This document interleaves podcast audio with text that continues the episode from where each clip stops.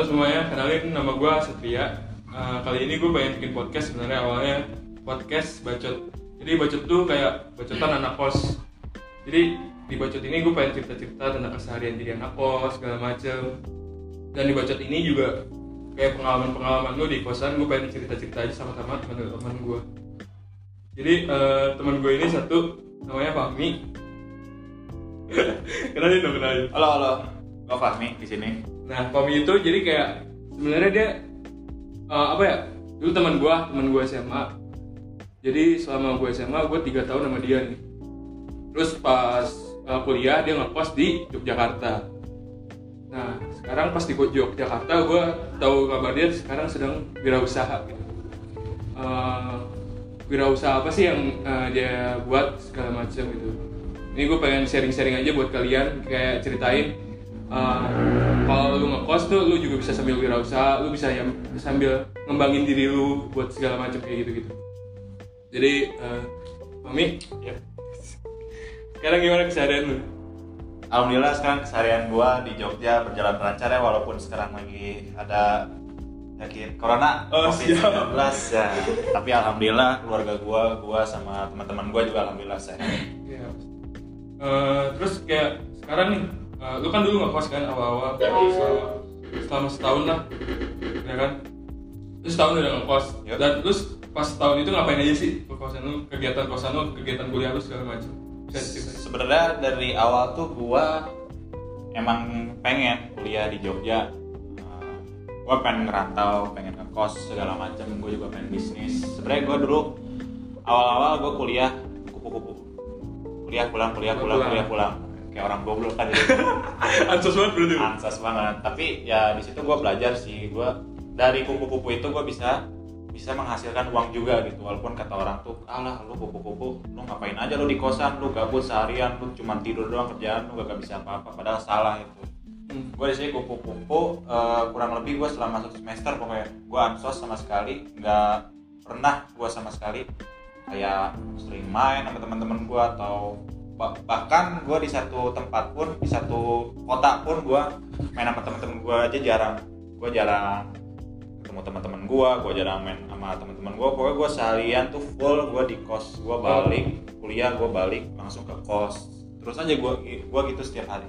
Lu tuh kayak gitu kayak ansos segala macam itu lu kenapa sih? Lu kan dulu waktu SMA yang gua kenal kan kayak lu semuanya kenal gitu. Yo. lu semuanya bisa jadi teman baik segala macam. Terus kenapa pas lu kuliah lu berubah jadi ansos itu lu kenapa sih sebenarnya gini ya eh, lu awal masuk kuliah itu pasti kan ada masa lu kayak masuk ke lingkungan lu yang baru masuk ke lingkungan lu yang Adaptasi lah ya. adaptasi. Lu masuk ke lingkungan yang lu belum pernah ke sana apalagi lu di situ di satu sisi juga lu beda provinsi.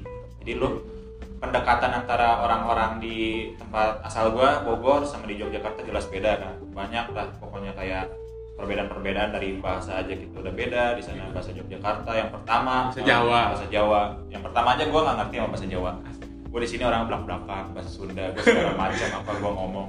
Tapi kalau gua di sana orang belum tentu bisa terima gua. Ada yang sakit hati atau ada yang apalah nah itu makanya sebab dari gua sampai akhir semester 1 kemarin tuh gua ansos semester 2 ini gua udah mulai-mulai lah gua bisa adaptasi lah dikit-dikit sama teman-teman gua ya. Walaupun gua nggak bisa bener-bener full banget kayak pendekatan kayak di anak Bogor itu gua nggak bisa.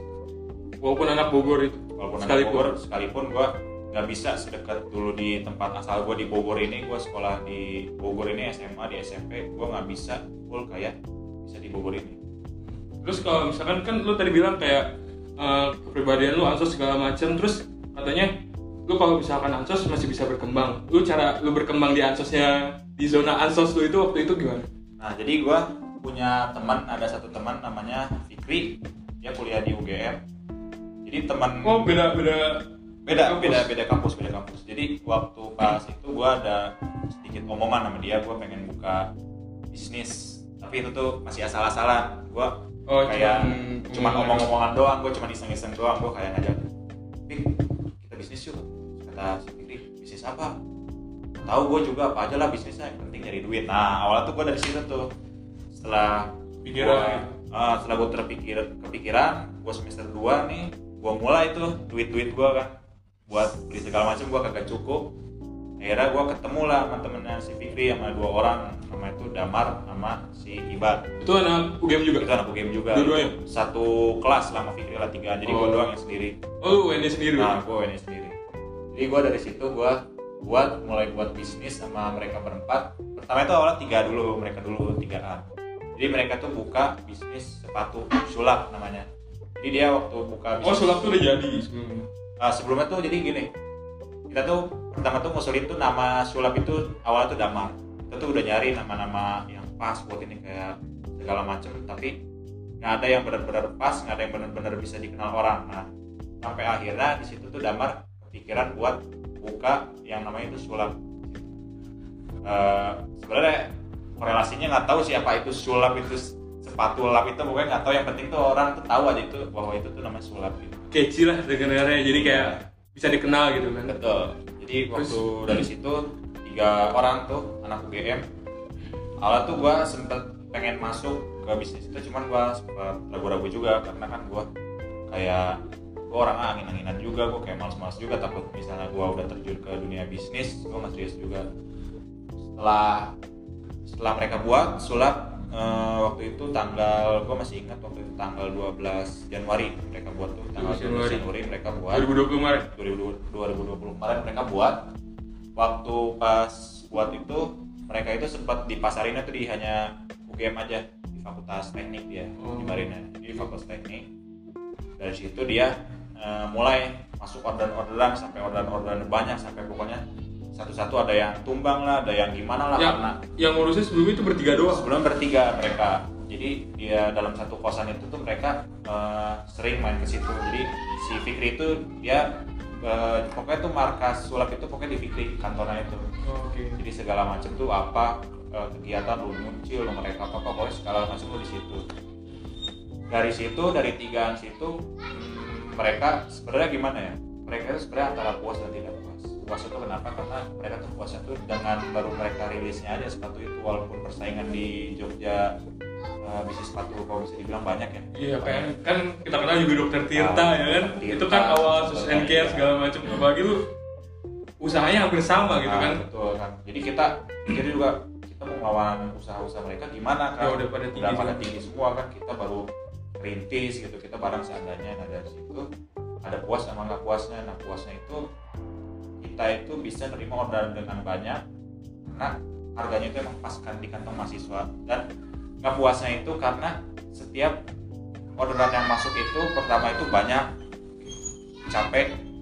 Kadang kuliah juga suka skip skip terus. Iya, dan di satu sisi juga kita pengen memperluas usaha ini ke mana lagi nggak mungkin kan di nggak mungkin kan di event game terus kan. Iya. nah makanya dari situ gua ada obrolan sama Fikri di situ sama orang-orang sulap tiga di situ. Nggak pokoknya dari sulap rilis itu nggak lama gua langsung masuk ke sulap. Dan gua di situ megang cabang UNY sebenarnya gua nggak megang cabang UNY sih sebenarnya jadi gimana ya? Kayak gua saling cover aja gua ntar ngambil yang order punya UGM, UNY, pokoknya. Pokoknya saling cover aja pokoknya tuh UGM dan UNY itu kan deketan tuh. Jadi gue ntar saling cover aja di situ Jadi temen-temen. seolah kayak lu awal-awal bantu gitu kan. awal bantu. Gue tuh sebenarnya awal-awal tuh gue cuman awal tuh gue kepikiran cuma pengen nanam modal doang ke dia. Tapi Oh, lu modalnya juga di situ. ah gue sempat pengen nanam modal ke dia ke mereka. Cuman mereka itu belum perlu buat nanam modal katanya. Mereka itu butuh tenaga bukan butuh eh, Biaya. biaya. Bukan butuh kayak patokan nada gitu pa- pasokan nada dia belum butuh dia. Pasokan modal itu dia belum butuh. Makanya dia butuhnya tuh pasokan tenaga. Nah dari situ tuh gua gua masuk di situ sebagai gua pertama tuh gua ngebuka itu tuh sendiri karena kosanin kosan gua sama kosan dia kan nggak eh, jauh ya Iya, UGM UNI ya kan. Ini kan jauh gua kosannya. Jadi hasil tuh gua beli barang-barang, gua masukin ke kosan gua, gua nyuci di kosan gua. Jadi itu tuh nilainya tuh awal-awal tuh dia bagi-bagi. Jadi gua nyuci satu sepatu itu masuk ke gua. Jadi berapa kali gua nyuci sepatu itu duit pure masuk ke gua gitu. Karena eh, itu kan kosan gua jauh. Nah, dari, Iya. dari- dari situ tuh gua gua mulai dari situ mulai bisnis rintis dan alhamdulillah sampai sekarang masih terus jalan. Terus berarti eh, kan tadi bertiga dulu kan, Yuk. anak-anak UGM segala macam. Terus karena mereka kenal lu, jadi eh, se- seenggaknya lu diajak gitu kan buat eh, gabung ke mereka.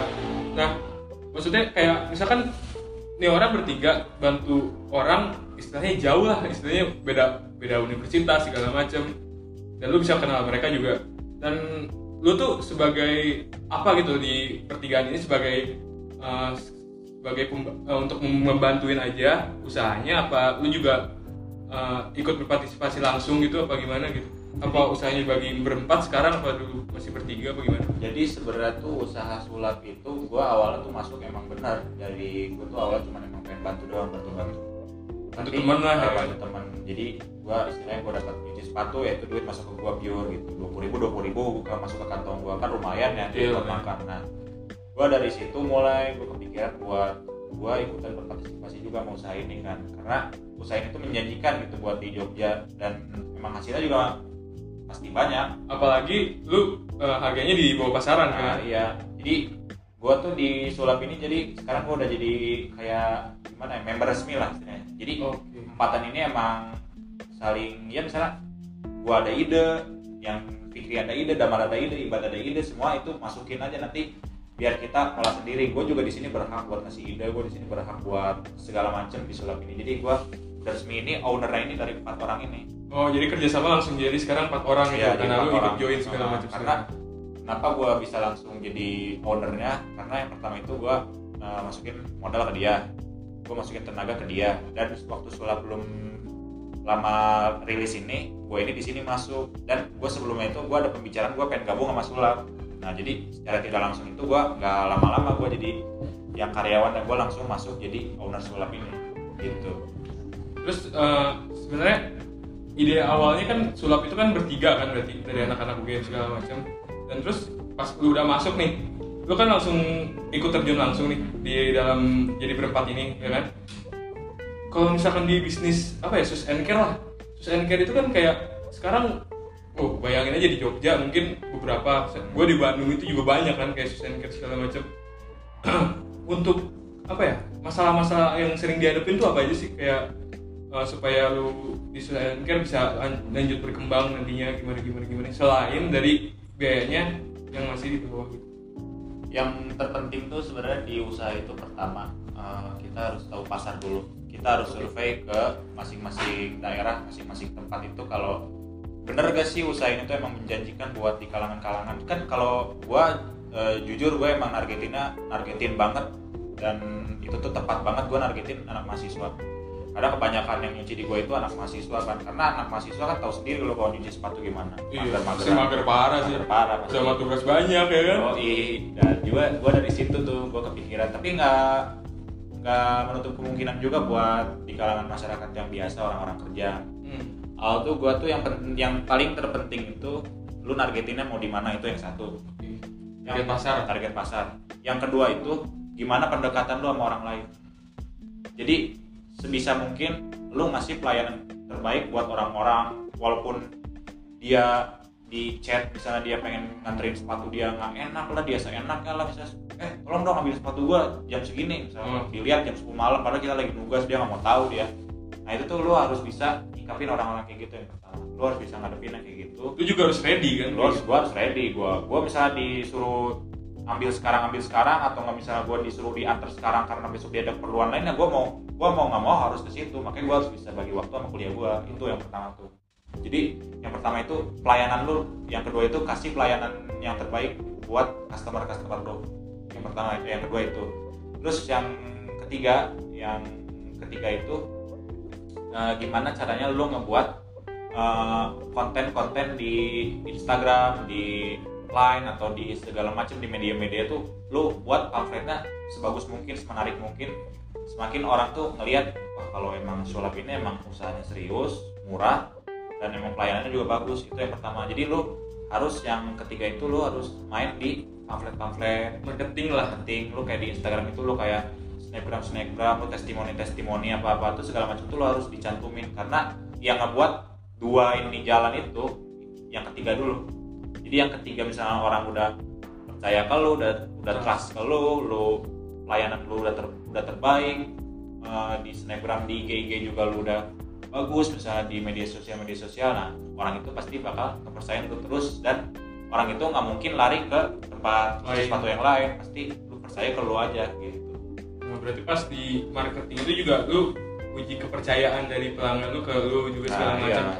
dan mungkin di marketing itu juga paling penting poin pentingnya eh, mungkin relasi kali Ya. kan kayak misalkan lu kayak mau bikin marketing segala macam di Instagram atau segala macam kalau misalkan nggak punya kenalan atau apa pun itu kan bakal susah gitu Iya. makanya waktu pas gue lagi nge, apa lagi nge, share kayak nama-nama sulap biar terkenal itu gue yang pertama itu sama anak-anak gue gue ngincernya pet promote gue masukin ke pet, pet promote semua orang gue kayak gue masukin ke pet promote fakultas apa aja lah pokoknya fakultas teknik visipol fakultas ekonomi pokoknya segala macam lu masukin sampai orang-orang orang-orang tuh asalkan orang-orang tuh udah tahu. Soalnya terpenting tuh usaha tuh yang paling penting itu lu dari mulut ke mulut. Lu, lu dari orang dari satu sin dari satu tahu nama sulap sebarin lagi ke lain sebarin lagi ke lain. Nah, itu kan relasi bisa lebih ini. Walaupun dari satu orang tapi bisa misalnya dari satu pintu bisa ngebuka seribu pintu nah itu intinya kayak gitu jadi kayak lu buka Instagram itu sebenarnya lu juga pengen ngembangin relasi kenalan dari usaha lu itu Nah, kan iya, supaya betul. lebih diperkenalkan Iya. jadi pas lu udah diperkenalkan nah muncullah trustnya itu gara-gara mungkin uh, perkumpulan atau circle-nya dia Nah. percaya ya, ke karena percaya sama kita ya Uh, terus kalau misalkan usaha kenapa lu milih usaha sus and care gitu kan banyak nih usaha misalkan makanan lah atau lu mungkin sekarang kedai kopi banyak banget kan? Lagi tutup sekarang corona. Kan kayak makanan segala macam kayak gitu gitu kan. Sus and care juga kan kena corona kan pasti. iya benar pasti lah. nah kayak gitu kenapa lu milih sus and care gitu? Jadi kenapa gue milih sus and care? Di sini karena gue pure anak kosan, anak rantauan, dan gue tuh orang yang nggak mau ribet banget. Anak-anak tuh emang nggak mau ribet. Jadi lu kan kalau makanan, yang pertama makanan lu harus masak dan kita tuh ordernya tuh semua empat empatnya cowok. oke Gue kepikiran, emang gue awal kepikiran pengen buat makanan, cuman tuh gue kan pasti makanan tuh pasti ada basinya lah, pasti ada orang komplainnya lebih nyelekit nyelekit karena rasa dan Iya. jadi kalau usaha makanan itu enaknya tuh harus satu ada yang menetap di situ jadi kita tuh biar urusan gas segala macem kan kalau di kos kan nggak mungkin kan kita bawa-bawa Iya sih. kayak gas gitu kan kita kan kayak ribet lah pokoknya buat or- orang-orang kosan yang kayak kita kita gini cowok-cowok gini. Jadi eh, kenapa gue milih usaha sepatu ini? Karena yang pertama itu usaha sepatu ini simple oke. Bahan-bahannya simple dapat dicari lah pokoknya di toko-toko itu gampang pokoknya. Terus sama hmm, usaha sepatu ini lu nggak ngelibatin banyak eh, komponen-komponen dari sini. Lu cuman butuh sabun sama lap udah. Lu intinya lu bisa buka usaha sepatu dengan semudah itu dengan semurah barang itu lu bisa ngasilin banyak duit cuman gara-gara itu. Kalau kedai kopi sih gua rasa ya di Jogja kan kedai kopi udah banyak yang terkenal lah. Dan kedai kopi itu kan eh, kita tuh harus standby di situ harus segala macam misalnya kita harus buka dari pagi sampai malam dan kita harus stay di situ kan. Kalau kita baru rilis rilis kita buka karyawan-karyawan itu kan kita nggak mungkin ya. Kita belum ada dana buat bayar orang gitu. Untung ke kita aja belum tentu apalagi kita bisa ngebayar orang. Nah, makanya gua di sini pilih usaha shoes and care ini dan mungkin karena tadi poin lu terakhir eh, karena lu modal segala macam kayak gitu-gitu yang yang penting lu niat dulu kan mau Niat. jalan kan sebenarnya kalau niat dari usaha gitu kan. Terus kalau misalkan dari usaha ini gitu lu kayak jadi anak kosan segala macam dari tadi ansos kan terus sekarang udah punya usaha kayak gini-gini. Eh, untungnya di lu sekarang apa sih? Banyak banyak hal pasti kan? Kayak lu bisa ngidupin diri lu sendiri atau mungkin segala macam keuntungan yang paling signifikan lah yang lu rasain sekarang kayak gimana? Keuntungan gue yang paling signi- signifikan yang pertama ya. Jadi eh, tingkat kedewasaan manusia itu kan nggak cuman dari Bisa nggak? yuk santai aja. Jadi kan kita nggak mungkin dari kita jauh dari orang tua itu kita udah dibilang dewasa itu enggak kan. Banyak Iya. orang yang di eh, tinggal sama orang tua kita jauh dari orang tua tapi kan kita masih kadang-kadang butuh uang mereka kan kita kan nggak mungkin misalnya ada orang tiap hari nebeng terus sama kita pakai motor iya iya Nah pasti kan orang kan kesel kita kenapa nih orang nebeng terus udah sama kita bensin yang bayar. Nah itu tuh ibaratnya kayak kita sama orang tua kita gitu. Jadi kita terus nebengin dia yang bayar yang bayar segala macam apa dia gitu kan. Pasti orang tua juga lama kelamaan juga pasti eh, bukan orang tua sih justru lagi kepikirannya tuh dia nggak bakal kesel sih cuman kitanya aja yang kayak enak nggak tahu diri lah kita lah masa kita mau di masa kita mau nebeng terus sama orang gitu. Sebenarnya kan orang tua tuh sebenarnya emang fungsi jalannya orang tua sebagaimana orang tua ya kan? Iya. pasti mendidik anaknya segala macam menjamin anaknya segala macam. Jadi mungkin orang tua nggak keberatan. Jadi kayak di sisi kita tuh yang bikin gimana ya kita tuh mau bergerak Iya, kan mau, gitu. mau bergerak kita tuh nggak enakan gitu kan. Jadi yang pertama itu poin yang pertama itu yang gue dapet itu kemandirian gue dengan punya usaha sendiri gue punya duit sendiri gue jadi lebih bisa menghargai eh, hasil keringat gue sendiri duit gue sendiri. Biasanya kalau duit tuh dikasih orang tua lu terserah lu mau beli apa aja lu bisa lu mau Oh. buang-buang lu mau hura-hura kayak mau apa-apa kayak. Tapi lu kalau dikasih duit sama eh misal lu gajian ya misalnya lu dikasih lima ribu nah lima ribu itu lu kalau bisa tuh lu pakai yang benar-benar bermanfaat banget atau bahkan dengan duit segitu pun lu pengen nabung lu nggak mau dibeliin apa-apa. Karena itu tuh lu ngerasain sendiri lu lu nganter sepatu orang lu nyuci sepatu orang belum misal sepatunya lu hilang atau enggak lu lagi ngambil hujan-hujan kan kita kan nggak tahu dengan dua ribu itu kan eh, itu ya mungkin buat orang lain itu kan harga murah kan tapi kalau dibayar sama keringat kan itu bukan murah lagi tapi itu bisa jadi emas dan mahal harganya kan ya, yang pertama itu poin gue itu itu Ya, lagian bukan hanya materi juga gak sih Ah. kayak lu tanggung jawab lu Ah. kayak misalkan lu eh, ngerjain dengan sungguh-sungguh segala macam itu nilai plus sendiri yang lu dapetin Iya. kan usaha. Itu jadi yang membuat gue materi. jadi gue itu kuliah itu bukan sebatas kuliah gue cuma sebatas gue buka diktat segala macam gue praktikum. Malah itu udah udah lagu lama lah itu pokoknya lah itu udah itu masuk- service ya? Ah, Terus terus gue lupa gitu nih gue sekarang. Pokoknya kan itu cuma lagu lama doang. Lalu gue kembangin diri lu gitu lu di satu sisi. Semua orang itu diciptain itu nggak mungkin nggak punya kelebihan. Iya. pasti orang-orang itu punya kelebihan. Entah dia kelebihan di olahraga buat musik wirausaha dan gue emang nemuin passion gue yang pas. Passion gue yang pas ini ada di wirausaha dan gue ini bisa ngembangin dari passion gue ini. Gitu.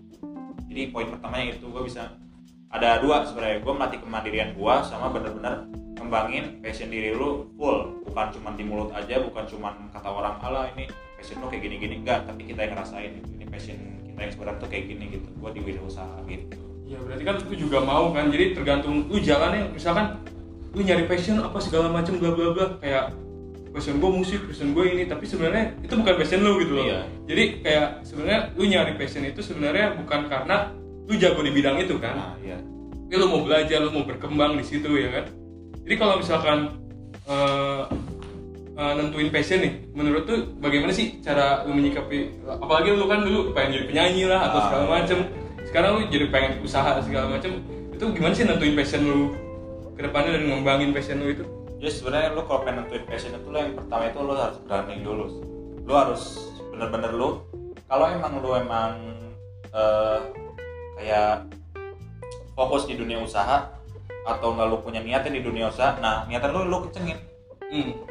Iya, apa yang lu nggak lu nggak boleh pikirin ntar lu gua ke depannya ke depannya gimana kalau gua bangkrut gimana. Nah itu lu lu jalanin aja pure eh, segimana yang lu mau asalkan lu bisa yakin lu bisa tanggung jawab atas diri lu sendiri dan lu bakal sendirinya nemuin passion lu sendiri dan bisa mengasah passion lu sendiri. Jadi kalau misalnya gue juga sekarang masih suka musik sih. Iya. gue masih suka musik gue masih suka musik gue masih suka Cover-cover. cover cover. Gue bisa nulis nulis puisi gue bisa buat buat lirik lagu dan itu tuh emang passion gue nah dari sini musik juga gue pengen ngembangin juga. Musik di Jogja ini kan jadi gue lagi pengen ngembangin juga lah pokoknya. Dari hobi gue dijadiin jadi duit. Nah itu tuh gue lagi ngembangin juga sekarang. Oh, berarti passion lu nggak hanya wirausaha juga Nah, sekarang? bisa juga. Jadi sebenarnya passion orang tuh nggak hanya satu Nah, kan? satu sebenarnya. Tergantung kita peng- tergantung mau pengembangan. iya. Oke oke. Berhubung udah mau maghrib. Oh, iya. Iya kan? Kita lebih baik salat dulu lah. Eh, mau di post dulu apa mau dilanjutin? pause dulu aja. Oke. Ya, eh, lanjutin tadi kan udah ngebahas susah kan segala macam. iya iya betul habis salat juga kan seger ya jadinya Uh, saya suci kembali. kan udah ngebahas anchor panjang lebar kan Ah. tadi. Eh, terus tadi gue pengen ngutip kayak kata lu tadi eh, hobi, Hmm. yang hobi lu sekarang pengen pengen lu kembangin supaya lu dapet ya istilahnya lu dapet imbalan atau upah yang setimpal yang sama usaha dari hobi lu itu kan kayak tadi yang pengen musik segala macem dan usaha apa sih yang lu ngembangin dari musik itu segala macam? Jadi gua di sini rencana gua bakal kayak buat gimana ya kayak lirik-lirik lah kayak puisi-puisi terus kayak ada sedikit mer- merchandise. Yang namanya tuh Dewi Arjuna. Nah, nah itu tuh akan ya itu tuh bakal rilis nanti tapi eh, sekarang nggak perlu dibocorin baik-baik dulu lah. Oh. jadi eh, coba eh, latar belakangnya sih. Lu kenapa pengen buat Dewi Arjuna segala macam? Terus Dewi Arjuna tuh lu, lu pengen ngembangin ke arah mana sebenarnya sebenarnya Dewi Arjuna itu eh, gue nggak bakal ngambil fee lebih dari Dewi Arjuna karena itu emang pure buat nyalurin hobi gue ya musik dan segala macem. Pokoknya gue nulis puisi apa. Itu di situ tuh gue bakal kayak buat merchandise merchandise. Cuman eh, kayak kutipan-kutipan itu berasal dari kayak puisi-puisi gue lirik-lirik gue dan pokoknya segala macem deh. Pokoknya nanti pokoknya tunggu aja deh nanti masih dirahasiain. Berarti usaha lu sebenarnya dari Dewi Arjuna itu cuma mer- merchandise-nya kan Ya, bukan yang kayak eh, puisi lu atau Ya. segala macam puisi lu cuma menyalurkan hobi di situ kan jadi kan lu udah banyak nih usaha segala macem Yuk.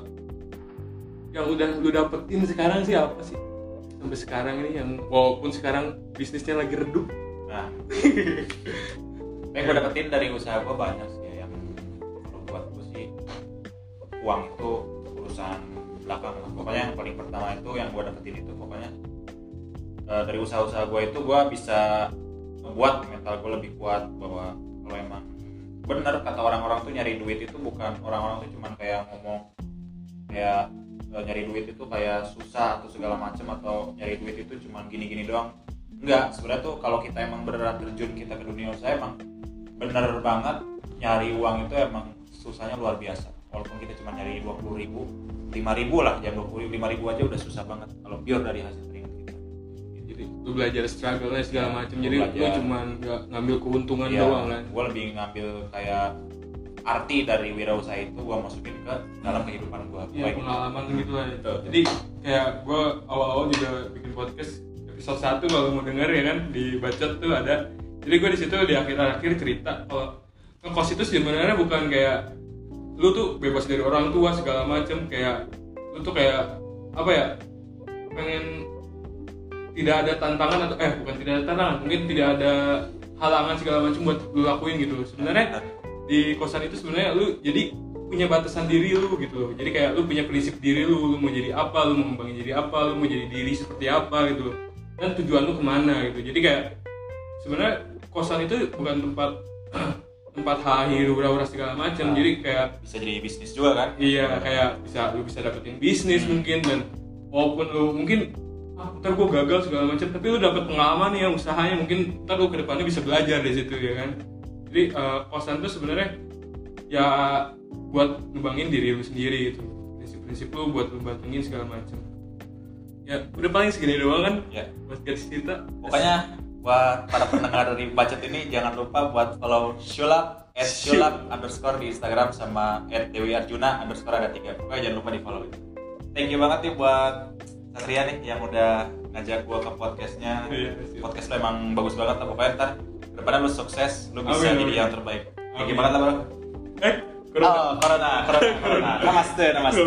Yo, Yuk, thank you. jadi eh, udah ya podcast sampai sini bye Yuk.